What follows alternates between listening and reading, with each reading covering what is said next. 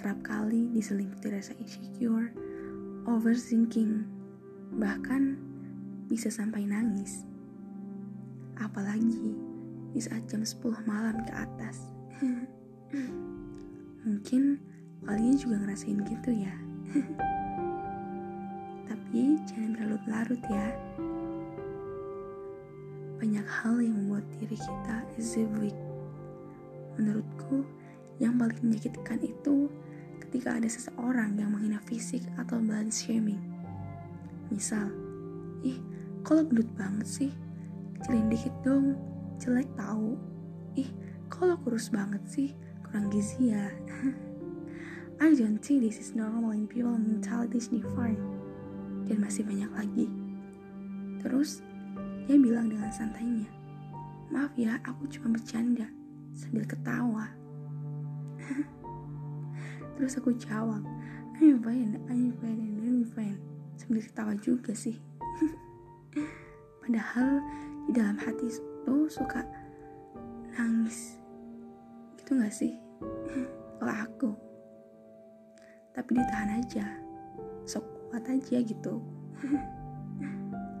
gue yakin everyone is beautiful and handsome dan mereka punya kelebihannya masing-masing aku tahu that what makes mereka kadang gak bisa love yourself self confident padahal mereka begitu sempurna dan manis sering juga ada yang bilang lo harus bersyukur dong jangan insecure terus. Oke, okay. kata-kata ini bagus memotivasi mudah dicerna hanya pada saat itu saja. Maybe. Dari my point of view, aku kurang cocok sih sama kalimat tadi. Because menurutku kata bersyukur itu cukup berat bisa dibilang tinggi tingkatannya. aku sendiri kurang mampu, agak sulit menerapkan itu ya gampang sih kalau diucapin jadi hal yang paling sederhana yang aku bisa lakuin adalah menghargai pemberian dan ciptaannya terus pelajari itu sampai tahu dan bisa nerapin apa itu bersyukur. Oh iya.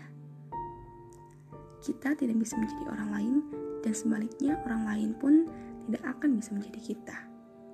Katanya hidup akan lebih berwarna jika dijalani dengan apa adanya. See you next time.